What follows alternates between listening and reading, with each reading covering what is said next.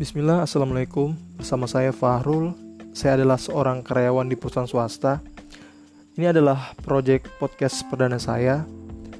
Pada podcast perdana ini saya akan membahas mengenai masalah yang sering dihadapi oleh kaum millennials atau kaula muda pada saat ini. Hal ini mengarah pada krisis emosional. Krisis emosional ini yang sering terjadi pada kita ini mungkin bahasa gaulnya lebih kepada quarter life crisis. Maksudnya apa? Apa maksudnya coba?